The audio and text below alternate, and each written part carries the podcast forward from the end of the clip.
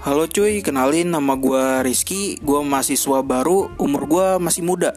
Di sini gue bakal bikin podcast bahasannya tentang apa yang terjadi di hidup gue dan gue akan ngebahas itu secara komedi cuy. Semoga lo semua pada suka, itu alhamdulillah. Kalau enggak ya nggak apa-apa, seenggaknya kan lo udah dengerin bacotan gue. Oke cuy.